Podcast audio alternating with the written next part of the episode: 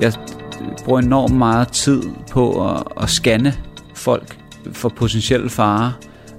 Hvis han nu gør sådan, hvad gør jeg så? Hvor skal jeg løbe hen? Hvad for en vej skal du gå? Og derover er der en nødgang, og du ved, alle de der ting. Alt hvad der før kunne betegnes som farligt, bliver nu i mit hoved betegnet som katastrofer. Og jeg går fra 0 til 100 på ingen tid.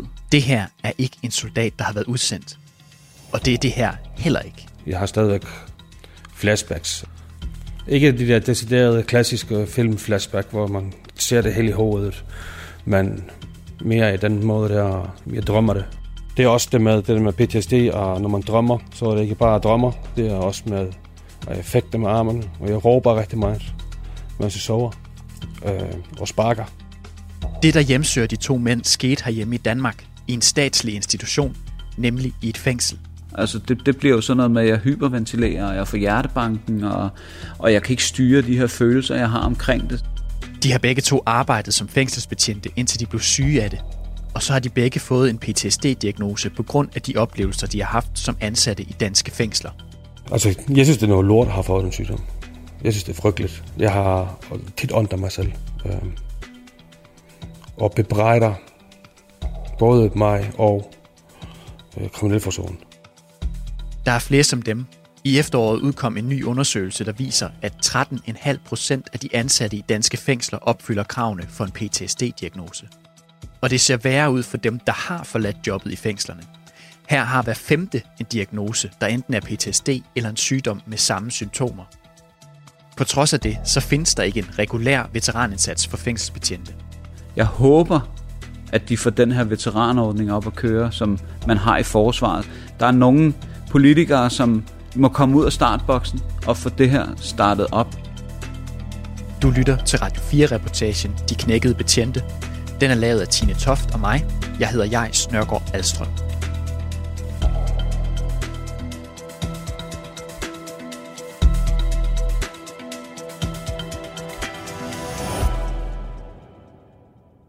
Ja, ja.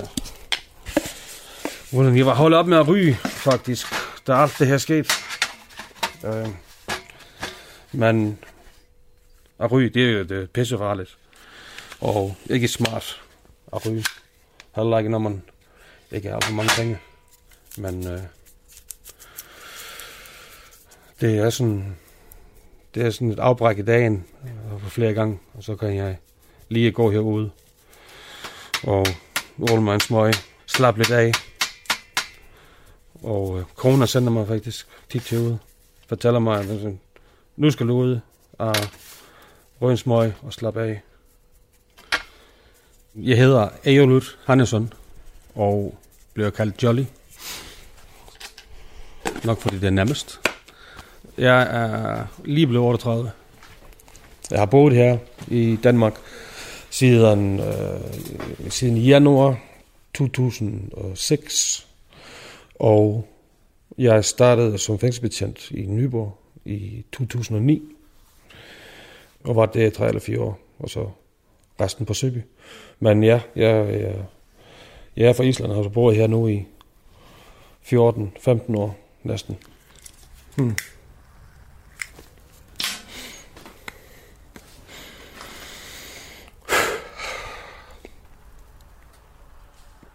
Jeg rører mellem, øh, mellem 10 og 15 smøger om dagen. Jeg går ned fra cirka 30 øh, i starten. Øh, det virker lidt ligesom medicin. Det er nok det dummeste og det dyreste medicin, du kan tage, men øh, lige for mig, lige øh, PT, så er det der, øh, kan få mig øh, ned igen. Øh, slap af. Især efter en øh, efter nogle episoder, eller hvis der er et eller andet sket herhjemme så, så kommer jeg herud, sætter mig ned, rører en smøg og sætter og hviler mig. Generelt så, sådan, så går jeg hjemme på øh, pension, blandet sammen med ressourceforløbsydelse, øh, ja, jobopklaringsforløb. Øh, ja, det er det, som det, jeg laver. Det har jeg gjort nu i to og en halv, tre år. Nok, ja, det er tre år nu er.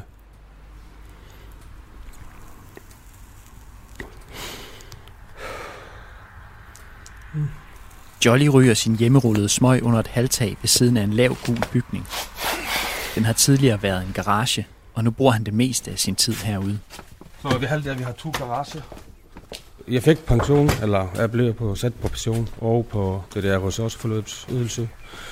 Øh, da jeg blev øh, sygemeldt fra fængsel til at starte med, med øh, akut belastningsreaktion, som så senere øh, blev øh, vurderet om til PTSD. Så herover er så, hvor jeg beholder mig rigtig meget. En sofa og og øh, mit bror har et fjernsyn derover. Øh, lænestol. Han går herover, når PTSD-symptomer som paranoia, stress, hjertebanken og tankemøller overvælder ham. Det gør de tit. Han og hans kone har indrettet hans tilflugtssted her i garagen med ølplatter på væggene, en gammel jukebox, et poolbord og en mørk sofa. Øh, jeg har også min Playstation derovre. Øh, og så et bord her, hvor jeg, hvor jeg ruller cigaretter på. Ja, prøv at beskrive de borer, du har lavet herinde. Ja, det er Europaller med, øh, med 40 gange 60 fliser ovenpå. Øh, den har min kone faktisk lavet til mig. Øh, mens faktisk jeg var lige blevet opereret og ikke må løfte noget, så det er jo faktisk hans, hans arbejde. De ser meget maskuline ud. Det ser meget rustik og maskulint ud, det der. Og vil se meget pænere ud, hvis I fik barnevogne og børneseng og legemadrasser og sådan noget ude herfra, så var det faktisk et ret fedt rum. Øh. Men du, du siger også, du har været meget. Altså, hvad synes du om at være her? Altså, det er altid fedt at være sammen med sin familie, end at være her. Men øh, det, er et, det, er, det er et sted, hvor jeg får lov til at være i fred. Øh, det er meget en sjælden, at jeg har aftalt med dem. At jeg kommer herud, og det kommer og henter mig. Det, det sker ikke. Øh, er de fleste gange, når jeg har været herinde, så venter de på, at jeg kommer ud. Op til nu her i øh, sidste måned, så har jeg nok sovet, sovet her det meste af året. Øh, altså øh, om natten? Ja, kommet herind, efter børnene er blevet puttet om aftenen. Øh, det har været meget pres på, både på grund af mig og konens arbejde, så hun går i seng enten sammen med børnene, eller går meget tidligt i seng. Så kommer jeg herover og sidder her øh, med telefonen, eller ser noget på fjernsynet, og så, så sover jeg. Øh, men så kan jeg også sove i fred. Øh. Det er også herovre i garagen, han har sine mange rapporter fra de forskellige episoder, han var indblandet i i sin tid i Kriminalforsorgen. Det er den, øh, hvor jeg, øh, jeg blev spyttet i hovedet, og øh, fortalte, fortalte mig, at han ville stikke mig.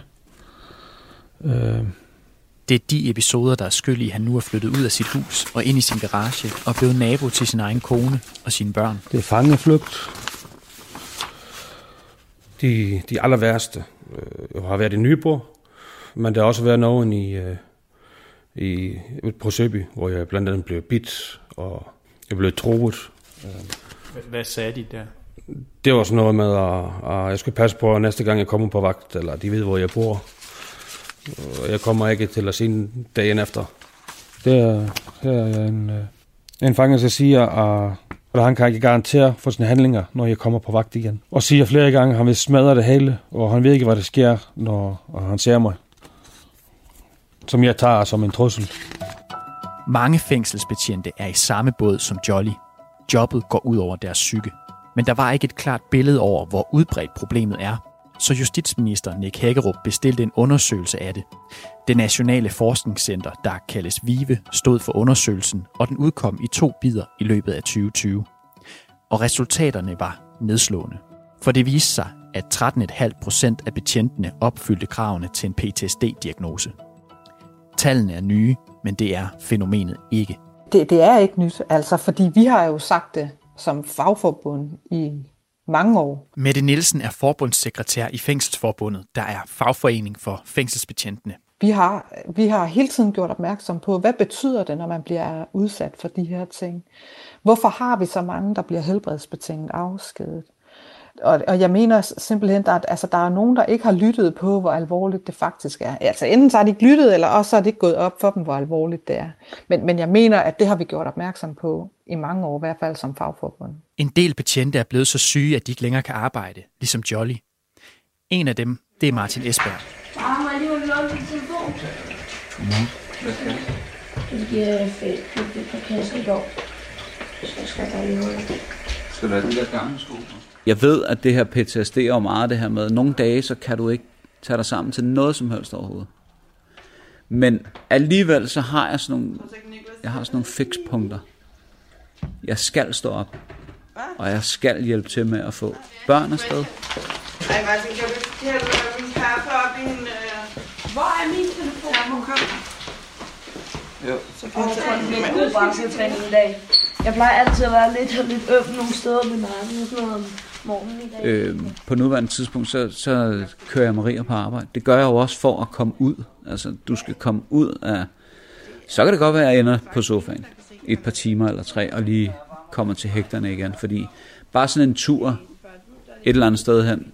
Lad os nu bare sige, hvis jeg skulle forvilde mig i, i magasin i Lyngby, jamen så ville det kræve en tur på sofaen, når jeg kom hjem, fordi jeg bruger så mange kræfter på at, på at behandle alle de der indtryk. Var der ikke noget på den der kalender der? Er det snydt noget? Ej, jeg vil da hellere have sådan en her. Må jeg tage den? Ja, ja. Så er ikke nogen andre, der skal have. Nej, jeg vil godt have. Det er bare ikke for dig nu, nu har jeg taget den. Hvad sker der, Blondie? Han er op, far. Og det her med... Jeg scanner jo folk og sådan nogle ting. Det skal jeg mentalt udskyde, og, og, det er jo sådan nogle ting, jeg har aftalt med, med psykologer i terapi og sådan noget. Det er jo det her med at udskyde de her scanninger for at vende kroppen til, at du behøver ikke at lave dem. Og alle de her ting arbejder jeg jo med, når jeg er ude socialt. Øhm, og man kan sige, øh, det koster kræfter. Er du færdig kl. 2? Nej, kl. 12 Martin Esberg arbejdede i Vridsløse Lille Statsfængsel og i Horserød på Sjælland. Han blev fyret fra Kriminalforsorgen i 2017, fordi han var sygemeldt i lang tid. Han havde ligesom Jolly fået PTSD af sit arbejde.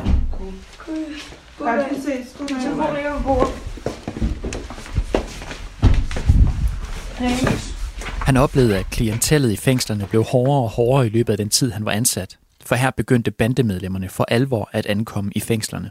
de kriminelle, der sidder der, er jo, er jo værre værre, de- og de er, nogle af dem er jo afstumpet og, øh, og fuldstændig ligeglade med, med autoriteter.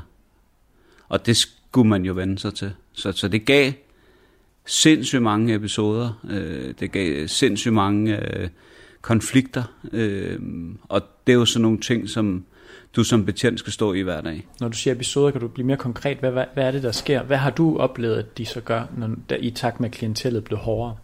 Jamen, så, er det jo, øh, så, så får du måske nogle indsatte ind, som overhovedet ikke respekterer øh, betjente. Og, og, og det er jo ligegyldigt, hvad for en betjent du stiller foran. Om det er en politibetjent, eller en fængselsbetjent, eller hvad det er, så, så har de ingen respekt overhovedet.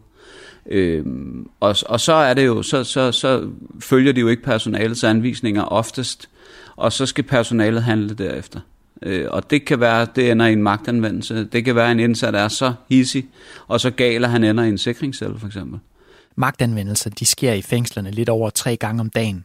De bliver brugt, når man som fængselsbetjent skal afværge vold, overvinde voldsom modstand, eller hvis man skal forsøge at forhindre, at en indsat skader sig selv eller tager sit eget liv. Det foregår typisk med de bare næver, men i særlige tilfælde kan fængselsbetjente også bruge peberspray, skjold eller knibbel. Kan du ikke beskrive en magtanvendelse, du har været med til? Og, altså... Jo. Jamen altså, en magtanvendelse kan jo være øh, en, en indsats, som er udvisningsdømt, som ikke vil hjem til det pågældende land. Jamen, han har ikke særlig mange muligheder. I det her tilfælde, der har man smadret en tallerken, og da vi åbner døren, står, står der fire mand, og de første to betjente bliver ramt af tallerkenen. Altså, den ene bliver ramt i hovedet, og den anden bliver ramt på armen. Og så bliver der jo reddet en alarm, og så, så kommer alle betjente jo løbende til for fængslet.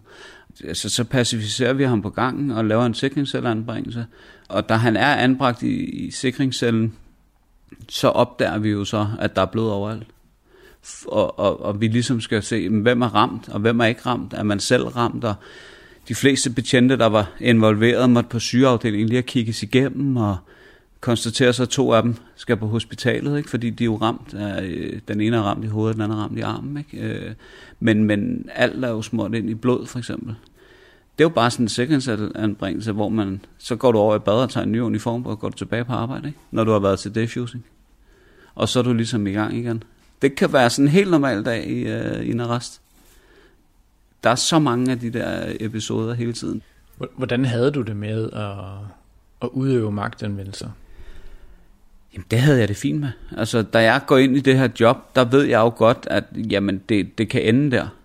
Jeg søgte jo bevidst i vridsløs, fordi at det havde sådan en, et ry som at være sådan en pædagogfængsel. At de kunne snakke alt ned. I stedet for at have magtanvendelser, så blev alt snakket ned. Og det var sådan, vi, vi snakkede hellere folk ned, end, end at udøve magt. Øhm, og det gjorde vi jo også i starten. Oftest kunne vi snakke os ud af alt. Men det kunne, altså på, på, på et tidspunkt, så knækker filmen bare derinde, og så kan du ikke snakke dig fra alt. Så ender du i de her situationer, ikke? Og hvad betyder det for, for din lyst til at gå på arbejde? Det betyder egentlig, altså når man er sådan et sted, så skal man også huske, at, at man har så meget korpsånd. Altså, det betød jo ikke noget. Det betød bare, at, at hvis jeg havde haft en magtanvendelse, som havde været fuldstændig by the book, så havde du en, en sådan tilfredsstillelse. Glæde er jo forkert ord at bruge, fordi man er jo ikke glad for, at man har været ude i en magtanvendelse, men, men du er glad for, at du har løst situationen på den bedst mulige måde. Øhm, og det styrker jo sammenholdet på afdelingen, sammenholdet blandt betjente og alle de her ting, og man var egentlig glad og tilfreds, når man gik hjem. Øhm, så er det jo så bare det her med, du kommer til en defusing og en debriefing og alle de her ting, som du nu skal, Øhm, men du putter stadigvæk en masse ting i rygsækken.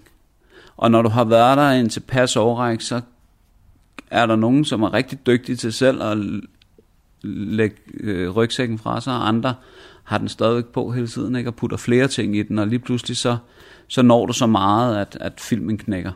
Altså, øh, så så jeg, jeg havde egentlig, jamen jeg glæder mig til at komme på arbejde hver dag. Og det gør jeg. Men hvad så med, kunne du lægge rygsækken fra dig? Nej, det kunne jeg så ikke, fordi ellers så havde jeg ikke siddet her.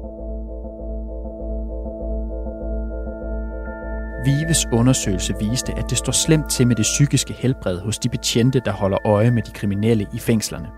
Men det ser langt værre ud for de betjente, der som Martin og Jolly har forladt jobbet som fængselsbetjent. Hver femte af de tidligere fængselsbetjente har en psykiatrisk diagnose, som enten er PTSD eller en anden sygdom med samme symptomer. Det samme gør sig gældende for knap 3% af de tidligere udsendte soldater. Jeg optager nu, ikke? Ja. Ask Elklit er professor på Syddansk Universitet. Han er ekspert i traumer og i PTSD. Så den, nu kører den, og så skal jeg lige se her. Hvis nu vi starter fra toppen, Ja. kan du ikke fortælle, hvordan opleves PTSD for den, der er ramt af det? Jamen, PTSD opleves på den måde, at man har en masse genoplevelser fra, fra den situation, eller de situationer, man har været i. At man husker nogle bestemte replikker, eller nogle ting, der er sket. Og øh, de genoplevelser, de, de har sådan en invaderende karakter på den måde, at de, de kommer pludselig og uventet, og man har svært ved at styre dem. Og de fylder ens opmærksomhed og bevidsthed, og det betyder, at, at man også reagerer, som om man var i den oprindelige situation. Det vil sige, at man bliver ophidset, man, man bliver ked af det, eller man bliver bange, eller hvad der nu skete i den oprindelige situation. Og øh, hvor- hvordan opfører man sig, når man har PTSD? Ja, det der, som de der genoplevelser også gør, det er jo, at, at man hele tiden bliver på vagt, fordi man har fra den oprindelige situation en angst, som lever videre inde i kroppen, og som gør, at man begynder at udvikle, hvad vi sådan kalder en forhøjet vaksomhed. At man hele tiden scanner sine omgivelser for at se, om der skulle være et eller andet, der er farligt, som gemmer sig hen i et hjørne, eller, eller hvor man nu indbefinder sig. Og Ask Elklit, hvorfor er det, at fængselsbetjente de er så hårdt ramt af PTSD? Jamen det er det jo fordi, at de omgås nogle, nogle kriminelle, som i mange tilfælde sidder ene på grund af, af voldelige handlinger og overfald og, og drab, hvor de skal være forsigtige og omhyggelige for ikke at, at provokere dem og udløse mere vrede og raseri og, og forfølgelse fra fangernes side. Og det er jo en enormt svær balance, fordi på den ene side skal man hjælpe fangerne og, og sørge for, at de får det godt, og hjælpe dem tilbage til resocialisering. Og samtidig er nogle af dem øh, også nogen, som, som er farlige at omgås. Og det er en rigtig svær balance at, at tipper den over på den måde, at man begynder at blive bange for den, fordi man bliver truet eller slået eller får kastet noget kogende vand i hovedet og sådan noget jamen så ved man jo, at det kan være livsfarligt at gå på arbejde, og det er selvfølgelig enormt belastende. Er der forskel på alvoren af ens øh, PTSD, alt efter hvordan man har fået den, om det er i øh, Helmand, eller i Nyborg, eller Vridsløse, eller et andet sted i Danmark? Altså om man har været i krig, eller om man har skulle omgås nogle af de mest kriminelle mennesker, vi har i landet? Nej, det, altså PTSD er den samme øh, sygdom. Der kan være nogle enkelte symptomer, som måske er en lille smule hyppigere ved den ene gruppe end ved den anden, men PTSD er, er en bestemt lidelse, som, som er defineret ved, at man har været i kontakt med noget livstruende, og det gælder begge grupper. Tænker du, at øh, det er en erhvervsrisiko ved jobbet som fængselsbetjent, det her med, at man risikerer at få PTSD? Ja, det er den undersøgelse fra VIVE demonstrerer jo, at, at det er jo den gruppe, øh, som har det højeste forekomst af, af PTSD blandt de sådan store erhvervsgrupper herhjemme. Og det er noget, som der skal gøres noget ved. Justitsminister Nick Hækkerup har på baggrund af VIVEs undersøgelse krævet ændringer, der skal hjælpe betjentene. Kriminalforsorgen skal blandt andet styrke beredskabet og opfølgning, når nu der er sket noget voldsomt i tjenesten. Og de skal i gang sætte forebyggende psykologsamtaler og oprette en ny kontaktpersonsordning. Der er også sat 95 millioner kroner af til flere pladser i fængslerne, hvor der de seneste år er kommet flere og flere indsatte, men færre og færre betjente. For det er nemlig også blevet sværere at skaffe nye betjente. Der følger til gengæld ikke penge med til de løsninger, der handler om det psykiske velvære. De udfordringer skal løses inden for den nuværende økonomiske ramme, og derfor er tiltagene ikke nok, mener Fængselsforbundet. Jeg tror sådan set godt, du kan rykke noget inden for rammen, men, men, men det er bare... Øh, jeg tror bare ikke, det er nok, altså. Øh, selvfølgelig er der nødt til at følge nogle penge med. Øh, og, og, og den støtteordning, man laver til alvorligt til skadekommende, den tror jeg også er, den tror jeg også er god. Men, men man er simpelthen nødt til at forstå, at det at gå blandt den type mennesker, som indsatte er i dag, det er altså en udfordring i sig selv.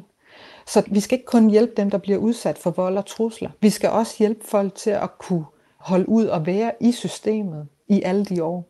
For ellers så bliver de syge. Og det kan jeg ikke se øh, med nogen initiativer, øh, at der er iværksat.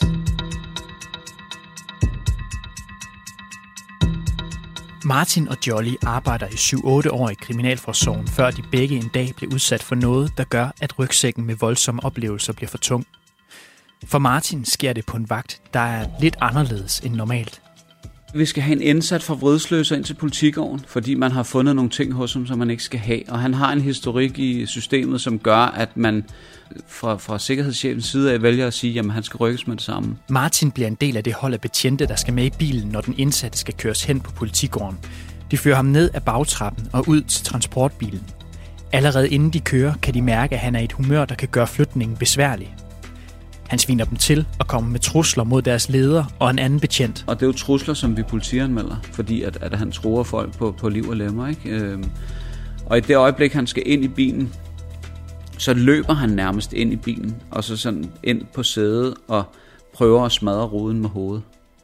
Og der går det så op for os, at okay, altså, nu slapper du af, kammerat. Øh, og jeg sætter mig på sædet foran ham, og der øh, får han så rejst op i sædet, og så nikker han så sædet to skaller og rammer mig så i baghovedet. Og øh, vi får så fortalt ham, at hvis ikke han slapper af, jamen så bliver vi simpelthen nødt til at, øh, at fastholde ham, indtil vi kommer ind på øh, politigården. Øhm, og han slapper så af. Han har håndjern på og håndjern på ryggen.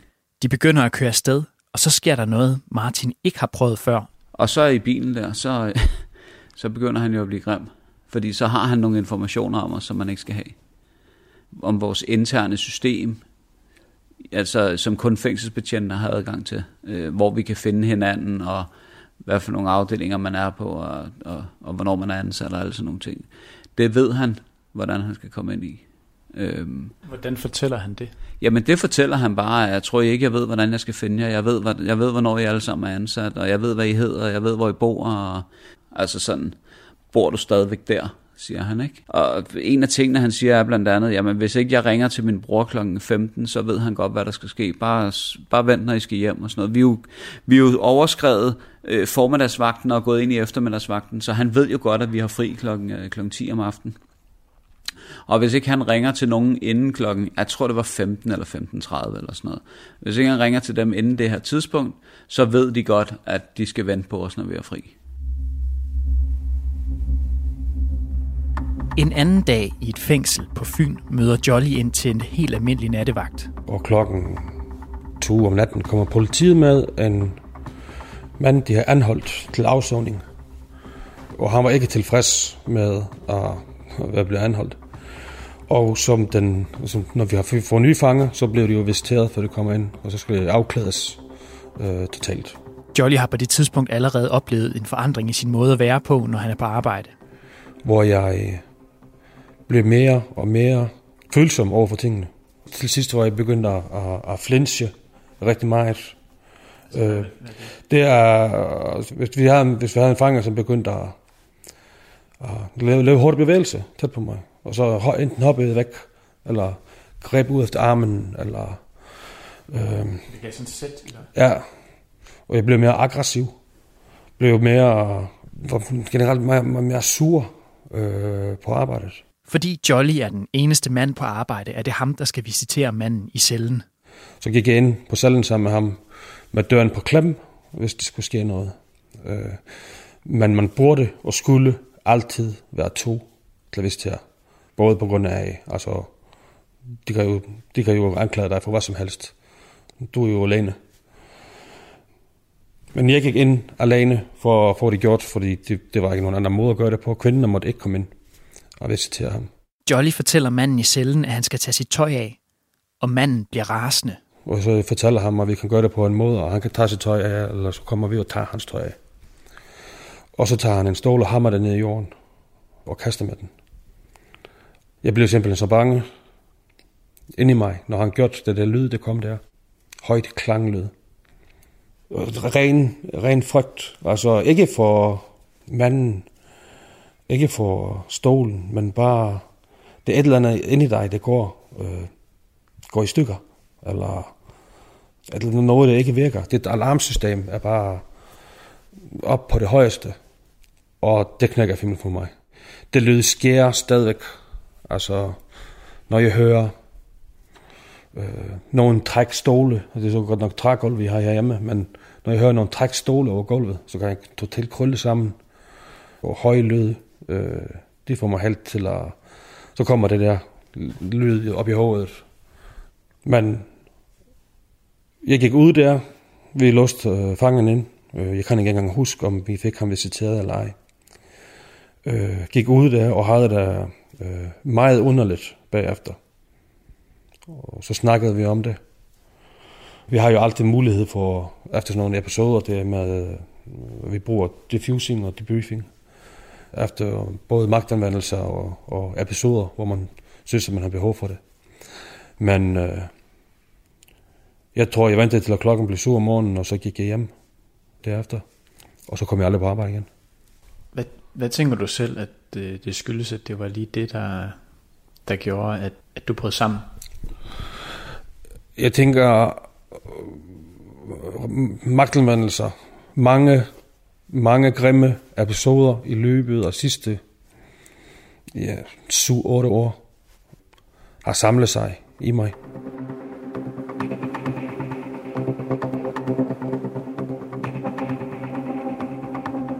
Martin har prøvet at blive troet før, og han har været med i mange magtanvendelser. Men i transportbilen på vej til politigården er truslerne anderledes, end han har prøvet før. Den indsatte, de transporterer, ved, hvor han og hans kolleger bor. Han tror min kone og mine børn. Og siger, se om du tør at lade dem gå ud og lege ude i haven. Jeg skal nok finde dem. Jeg skal nok springe dem i luften. Og I har frataget mig muligheden for at se min egen datter og sådan noget nu. Og øh, nu, nu ryger jeg alle sammen. Og, og det er jo der, hvor den, hvor den sådan egentlig knækker, fordi at man kan sige, havde det været en magtanvendelse, vi skulle lave på ham, jamen så er du ligesom kommet ud med de der ting, og du er ligesom fået behandlet de der ting sådan rent mentalt, ikke? Øh, men her, der, der kunne man efterfølgende øh, tænke, fuck, altså, han ved, hvor du bor. Øh, nu skal du rende rundt og kigge dig over skulderen, ikke? Altså, nu skal vi lige kigge os over skulderen, når vi går ud af fængslet først, fordi der havde jo været en række overfald på, øh, i, i fritiden på betjente, ikke? Øhm, og jeg kørte også en anden vej hjem, end jeg plejer at køre hjem og sådan noget, for ligesom at, at være sikker på, at, at der ikke var noget. Og havde egentlig, da jeg kom hjem, sådan lagt det. Øhm, og så skal jeg på kursus inde i øh, fængslet dagen efter. Og i det øjeblik, jeg går ind ad porten, der bliver jeg syg. Altså, der får jeg influenza-symptomer, og, og får det virkelig, virkelig dårligt. Og jeg sidder op til det her kursus, øh, som er sådan et, øh, jeg tror det var sådan et IT-kursus, øh, og bliver nødt til at sige til kursuslederen, at jeg er nødt til at gå hjem, for jeg har det helvede til. Altså sådan, jeg troede, jeg havde influenza, ikke? Øh, og kommer så egentlig hjem, og så, øh, så ved jeg sgu ikke lige helt. Jeg kan heller ikke huske, hvordan jeg kom hjem. Øh, men så kommer min kone Maria hjem og finder mig så siddende i sofaen og kigger lige ud i luften og siger, nu skal du nok lige ringe til ham her vi er jo medlem af sådan en ordning, hvor du kan ringe til en krigspsykolog og sådan nogle ting. Øhm, og så ringer jeg så til ham og får en tid dagen efter. Og så, så, så gik jeg jo til, til krigspsykolog et halvt år. Ah, otte måneder, tror jeg. Og så var jeg syg. Altså virkelig syg. Og der, der, der knækkede filmen for mig. Altså den her episode knækkede mig totalt. Som Martin Esberg nævner her, så er der med det hårde klientel også fuldt truslen om at blive overfaldet eller truet, når man har fri. I 2016 blev en betjent skudt to gange i benene, da han gik ud af porten ved fængslet i Nyborg. Og i november 2020 fandt en kvindelig fængselsbetjent et afskåret gedehoved på sin dørtærskel. Og i researchen til programmet her er jeg faldet over en pjæse, som blev lavet i 2016, som Kriminalforsorgen har liggende på sin hjemmeside under et punkt, der hedder medarbejderstøtte – det er her, man som betjent kan læse om sin sundhedsordning, kriseberedskab og anden hjælp. Pjæsen den handler om, hvordan man forebygger arbejdsrelateret vold uden for arbejdspladsen. Og jeg har haft svært ved at helt at slippe den, for den viser, hvordan systemet selv ser på jobbet som fængselsbetjent. Den er nemlig fyldt med råd til, hvordan man skal opføre sig, når man har fri for at undgå at blive overfaldet. Mange af rådene de handler om at scanne sine omgivelser, være på vagt og hemmeligholde for fremmede, hvor man arbejder. Jeg vil gerne vide, hvad en ekspert i PTSD tænker om den slags anbefalinger, så jeg spørger professor Ask Elklit om det. Og øh, nu prøver jeg bare lige at læse nogle stykker op her, og så bare lige høre, hvad du tænker om de ting, fordi... Ja. Altså for eksempel, så anbefales det, at når man er i bus og tog, så står der, når du benytter bus eller tog, så sid gerne i nærheden af en udgang, så du kan se den. Vær opmærksom på omgivelserne, undlad for eksempel at se film, skrive sms'er, læse avis, etc. Dette gælder særligt, når bussen eller toget står stille, og nye passagerer kommer ind. Og så står der noget om, når man tager hjem fra arbejde og ankommer på arbejde, så er det ankom og forlad tjenestestedet af forskellige udgange og gerne på forskellige tidspunkter, hvis muligt, og varier gerne din transportform, for eksempel bil, motorcykel, bus, tog til og fra tjenestestedet. Og husk at klæde dig så civilt som muligt, når du forlader din arbejdsplads. Og så når man kører i sin bil, så står der, følg trafikmønstret, når du er i bil. Når der gørs holdt, så placer da køretøjet inderst eller i yderste vognbane, så frem det er muligt, og hold god afstand til bilen foran dig, så du nemmere kan køre væk, hvis der skulle opstå en farlig situation. Vær opmærksom på personer i bilerne omkring dig. Tjek for eksempel i bagspejlet. Kør gerne med låste døre eller lås dørene, hvis du bliver utryg. Du kan styrke bilens sideruder ved at installere en indbrudshæmmende film. Og så står der også, at når man har fri, så skal man Lad andet tøj, for eksempel fritidstøj, som viser, hvor du arbejder, blive i skabet. Og vej dine ord, når du taler om dit arbejde, familie og fritid, når du er ude med venner på café. Altså, det, det er bare et udsnit af nogle af de ting, der står. Ah. Hvad tænker du om det? Jamen, det er da rystet over at høre, fordi det er jo i virkeligheden en beskrivelse af, hvor, hvor livsfarlige forhold de, de befinder sig under. Og jeg synes, det eneste naturlige reaktion på det vil være, det, at de hver især skulle have en bodyguard til at beskytte dem i fritiden. Fordi når man giver dem den slags anvisninger, så er det jo en erkendelse af, at mange af dem er i en, en livstruende situation, kan være i en livstruende situation. Jeg tænker også i forlængelse af det, du sagde, at øh, når man har PTSD, øh, så er man vaksom og holder øje med sine omgivelser. Jeg er i gang med en faktor 10 her. Ja. Kunne du øh, forestille dig at have et arbejde, hvor det her var nødvendigt for at Nej, udføre dit arbejde? Jeg, ikke. jeg vil flygte fra det arbejde med det samme, fordi det, det, det er en kæmpe belastning. Et er, at man, man, at det er hårdt at gå på arbejde, men, men hvis fritiden skal være, være på en eller anden måde, at man ligesom er på flugt hele tiden, skal holde øje med alle mulige, som kan komme og, og kvæste en eller dræbe en og sådan noget, det er jo, det, det er jo ligesom flygtninge, der bliver truet i deres eget land og sådan noget. Det er jo, synes jeg, helt horribelt. Vi spørger også Mette Nielsen, som er forbundssekretær i Fængselsforbundet, hvad hun synes om anbefalinger som de her. Ja, men jeg tænker jo sådan set, det er meget godt, at man har noget, der skal få personalet til at tænke over, hvordan de agerer i deres fritid. Men jeg må jo også sige, at, at den pjæse viser jo også med al tydelighed, hvor alvorligt et arbejde det faktisk er, vi har. At man, at man som medarbejder i Kriminalforsorgen er nødt til at forholde sig til de her ting. Det betyder jo, at vi også er i krig, når vi har fri.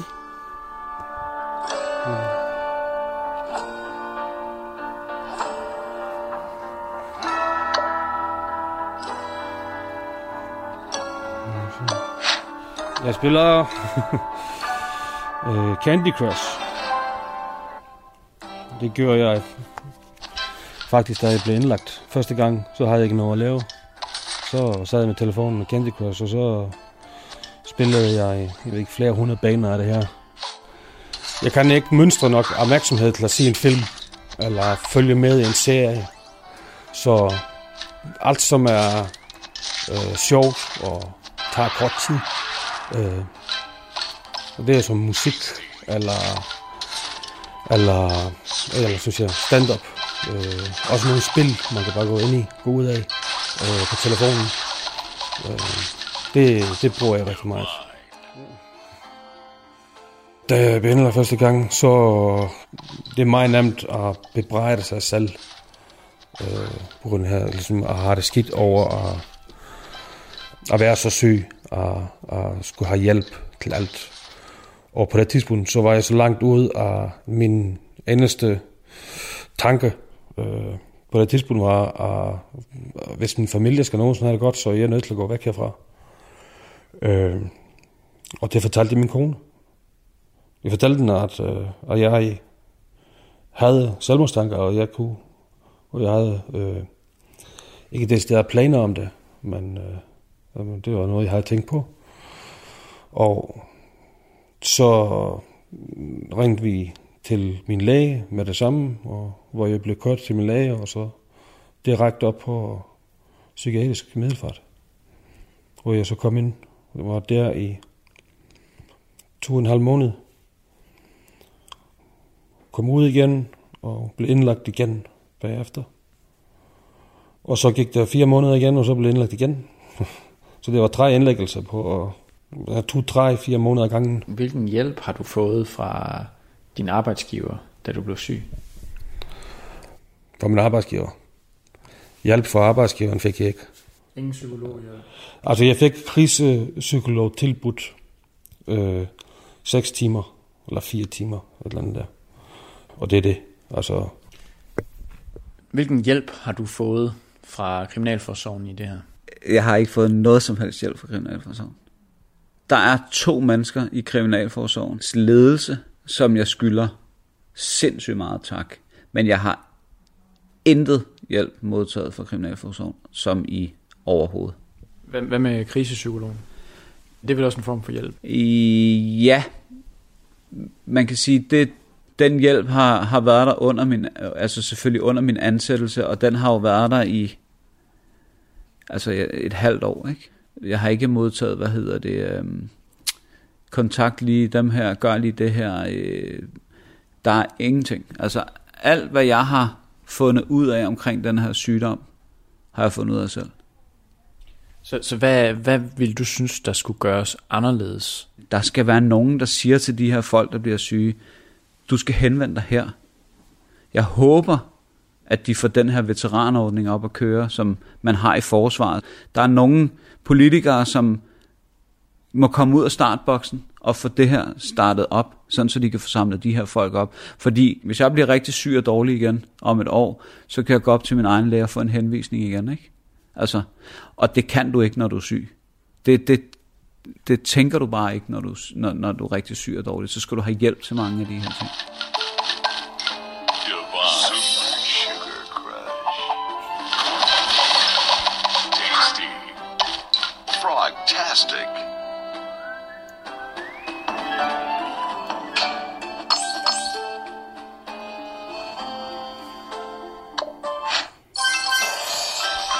Og det er et spil. Altså, det var et langt spil, det der. Altså, og som regel er det så skide ligegyldigt, om jeg vinder eller ej. Det er jo bare at sidde med telefonen øh, og ja, få tankerne på noget andet end, øh, end gang imellem den elendighed, det oppe i hovedet. Øh, det, er, det er så sjovt, det her spil. Det andre spil, jeg spiller, det er jo lydløst. Øh, det er Coinmaster. Øh, Men, altså det der Candy Crush, det, jeg synes ikke, det virker så afslappende. Altså, nu spiller jeg ikke med så, så højt niveau, øh, lydniveau, som jeg gør det nu. Øh, men det er jo meget... Øh, jeg er meget lydfølsom øh, generelt. Men hvis det er mig, der laver lydene, øh, så, så ved jeg, at det ikke kommer. Det er mere, når det kommer bag på mig, eller, eller en lang, vidvarende lyd, øh, jeg ikke kan tåle. Øh, så jeg kan godt sidde her og høre musik på fuld blast, øh, og det er rigtig fint for mig. Men hvis der er nogen, der kommer og banker hårdt på døren, så kan jeg blive skide bange. Altså, Som Jolly sidder her i sin sofa, ser han meget rolig ud. Men sygdommen har også sat sin præg på hans temperament, især i starten. jeg har haft borgerlige... Øh, Jeg kan have den anden nissehue på. Det lugter som om sådan har stået inde i bøvlet. de lavede æbleskiver på bål. Det jeg bliver da også i morges. Min kone var meget bange for, at jeg ville slå hende. Fordi at når jeg blev sur, så gik det over døde ting. Så stod jeg og rev køkkenlåger af, eller ødelagde kommoder, smadrede telefoner, kastede med ting. Og jeg tror, hun ventede bare på tidspunktet, hvor jeg ville slå hende. Øh, og det var aldrig mine tanker. Nu ligger der altså også glimmer hun oven i øh, Silje. ring. Jeg har lige sagt tak for mad. Nå, undskyld. Velbekomme. Men så man tænker tilbage og tænker, okay, jeg har så smadret en reol foran hende, øh, revet køkkenlågene af, øh, ødelagt en skab, alt i, altså, hvor hun har set, at jeg har været helt op at køre og, og vred, så kan jeg godt forstå, og, og hun er bange for mig. Godt forstå, at børnene også, når de oplevede det, og de var bange. Øh, og hun har været igennem alt det der, og hun er stadigvæk, øh, hun er stadigvæk her. Det er, jeg er taknemmelig for det. Altså, jeg kunne ikke klare det her alene uden hende.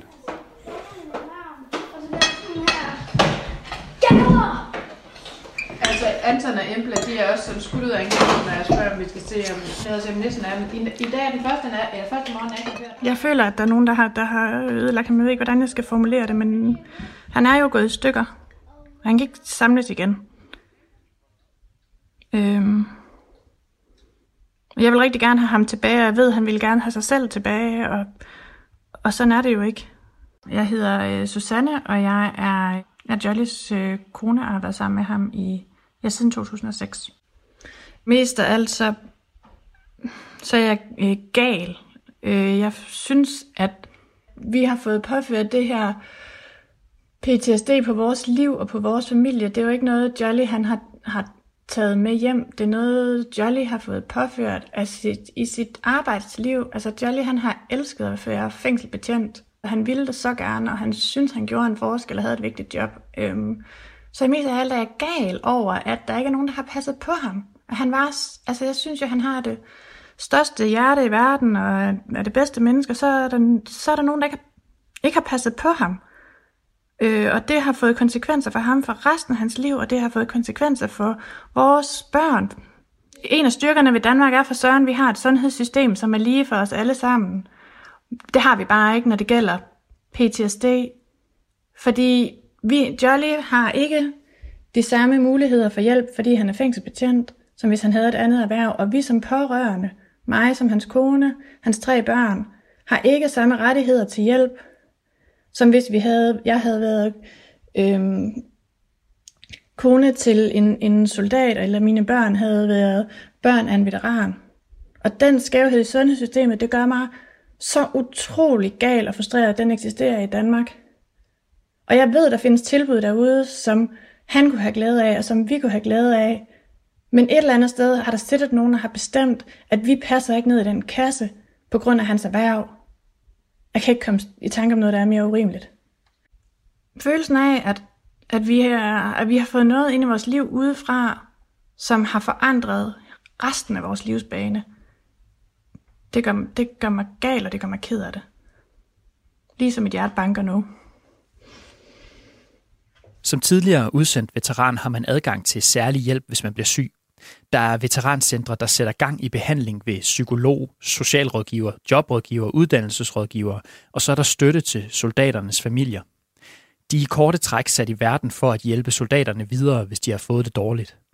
Det er også nemmere at få sin PTSD anerkendt som arbejdsskade, hvis man har været udsendt. Som fængselsbetjent, der skal man selv opsøge de rette steder i sundhedssystemet, og så har man mulighed for to gange om året at mødes med andre ramte fængselsbetjente og deres familier til et netværksmøde.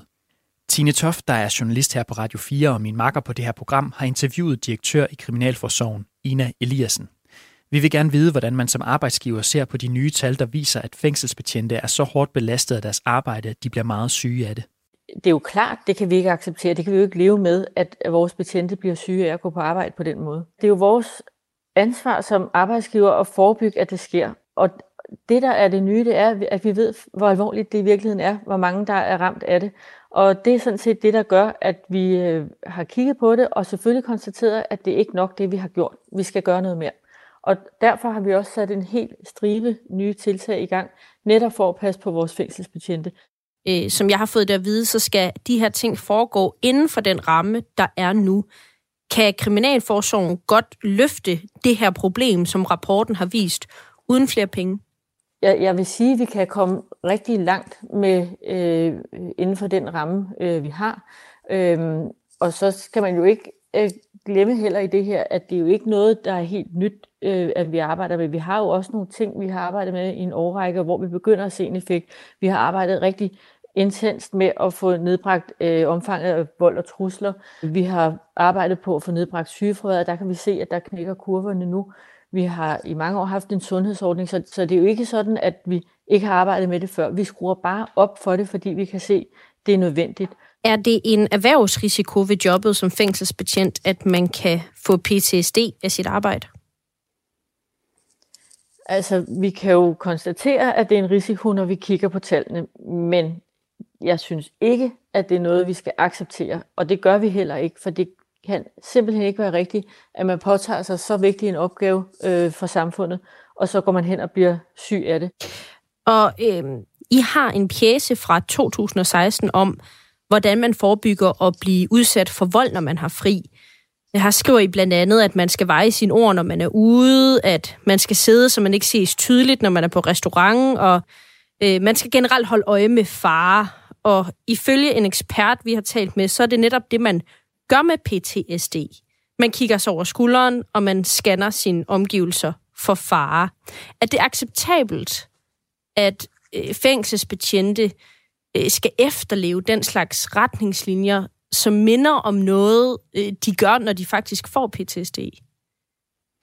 Jeg vil sige, at, at det er jo aldrig acceptabelt, at vores ansatte på den måde skal, skal passe så meget på sig selv, at, at der skal være sådan nogle guidelines. Men det er bare en del af det at arbejde i kriminalforsorgen, at man tænker sikkerhed hele vejen rundt, når man er på arbejde, og at man også har nogle ting, man kan være opmærksom på, når man ikke er på arbejde. Og så vil jeg også sige, på det tidspunkt, hvor den pjæse, du taler om, blev lavet, der var problemer med utrygge hændelser omkring fængselsbetjente i deres fritid. Så derfor så kom vi simpelthen med nogle gode råd til, hvordan kan I gøre for at følge mere trygge i jeres fritid. Men jeg synes ikke, det er der, vi er øh, i dag. De fængselsbetjente, eller tidligere fængselsbetjente med PTSD, vi har talt med, de har ikke oplevet at få særlig meget hjælp, heller ikke efter. Har I løftet den opgave godt nok? Altså, det er jo, det er jo klart, når tallene ser ud, som de gør øh, med den nye rapport, vi har fået, øh, så har vi jo ikke løftet opgaven godt nok. Og det er jo også derfor, vi skruer op for en hel masse af de her sådan, øh, forebyggende og, og opfølgende øh, indsatser. Bør fængselsbetjente sidestilles med soldater på det her område? Det synes jeg faktisk ikke, de bør. Øh, forstået på den måde, at de problemstillinger, soldater står i, de ligner ikke dem, som vores fængselsbetjent står i. Det kan godt være, at de bliver syge på samme måde, men det er ikke de samme ting, der udløser det. Så jeg tror ikke faktisk, det er en god idé at oversætte en til en det, man gør i forsvaret, men jeg synes helt bestemt godt, man kan lade sig inspirere. Mette Nielsen, der er forbundssekretær for Fængselsforbundet, mener til gengæld, at betjente de netop skal sidestilles med soldater og veteraner. Vi arbejder sådan set også øh, øh, for staten, og, og jeg tænker faktisk også, at nogle personaler, som ender med at lide af PTSD, vil føle, at de har været i krig de år, de har, har været ansat. Og, og familierne lider jo også på samme måde, øh, som, som soldaternes familier gør. Øh, så, og jeg siger ikke, at noget skal tages fra nogen, for jeg synes, det er godt, at veteranerne har det, de har. Men jeg må bare sige, at der er så nogen i staten, der i hvert fald tilbydes noget andet, øh, øh, end andre gør. I løbet af 2021 skal Folketingets partier forhandle Kriminalforsorgens økonomi fremadrettet. Her vil flere politiske partier netop have fængselsbetjente sidestillet med soldaterveteraner. Her retsordfører for Dansk Folkeparti, Peter Skorp. Jeg mener helt klart, at man skal sidestille fængselsfunktionærer og fængselsbetjente med soldater. Øh, der er jo faktisk undersøgelser af arbejdsmiljøet, der har vist, at øh, det er øh, for nogen hårdere end at være soldat i Afghanistan eller Irak at være i fængselsfunktionær. Og det kan man egentlig også godt forestille sig, fordi øh, det er desværre nogle meget hårdføre indsatte, vi har i vores fængsler efterhånden. Bandekriminelle, som er vant til et hårdt miljø ude på gaden, det fører de med sig ind øh, i fængslet, og dem, det går ud over, er jo typisk de ansatte fængselsfunktionærer. Så jeg mener ikke, det er overraskende, at det er så hårdt at være fængselsfunktionær, at man får PTSD, og derfor skal man også sidestilles med øh, soldater, der har været afsted på missioner. Også enhedslisten og SF mener, at fængselsbetjente skal have samme ordning. Her fortæller Karina Lorentzen, der er retsordfører for SF. Når man bliver ramt af PTSD, så er det sådan set underordnet, om man har været i krig, eller man har stået i en situation, hvor ens eget liv er blevet måske øh, alvorligt truet. Og det er jo den situation, som nogle fængselsbetjente øh, er og til står i. Øh, og derfor så tror jeg egentlig, det giver ret god mening, at fængselsbetjente og politibetjente får den samme gode adgang øh, til hjælp, øh, som vores soldater og veteraner ha- har. Er der ikke en risiko for, at man på en måde åbner en ladeport, fordi det så kan være rigtig mange faggrupper, også altså socialpædagoger og andre, altså at det bare bliver rigtig dyrt?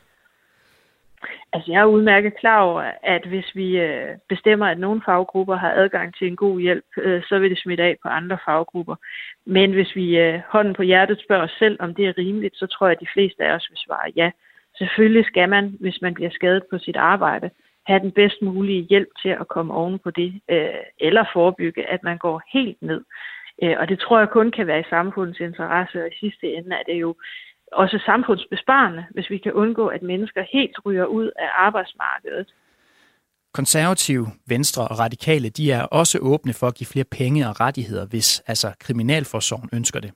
Alle partierne er enige om, at der skal ske ændringer, og de har forskellige forslag til, hvordan det kan ske. For eksempel så bliver der nævnt bedre rekruttering, penge under uddannelse, et akutcenter med fagpersonale, flere ansatte, fast opfølgning på de ansattes ved og vel og årlige sundhedssamtaler. Det er mulige løsninger, som politikerne ser på problemet. Vi har i flere uger forsøgt at få et interview med justitsminister Nick Hækkerup om, om fængselsbetjentene får nok hjælp, men det har ikke været muligt at få en kommentar. Hvad håber du på for, for, for fremtiden nu? Mit håb er jo, at, at jeg bare kunne komme ud og arbejde de her 5, 8, 10 timer om ugen. Og så, så har jeg jo et andet håb også, det er jo, at, at, at man tager det her seriøst nu. Altså fordi, at jeg har flere kollegaer, som sidder samme sted som mig. Det er en kronisk sygdom. Men fra det, øh, er, jeg er blevet diagnosticeret med den, og til nu, så har jeg lært rigtig mange ting. Lært at håndtere panikanfald og angst og paranoia og sådan nogle ting hvor jeg hvor, hvor kroppen går i øh, total salgsving, men min hjerne er, øh, øh, holder fokus. Øh, og det lærer jeg mere og mere og mere. Øh, Jeg, jeg håber, jeg har, har mulighed for at komme ud og lave et eller andet. Øh, et flexjob. Du har lyttet til De Knækkede Betjente fra Radio 4 Reportage. Programmet var lavet af Jais og Alstrøm, det er mig, og af Tine Toft.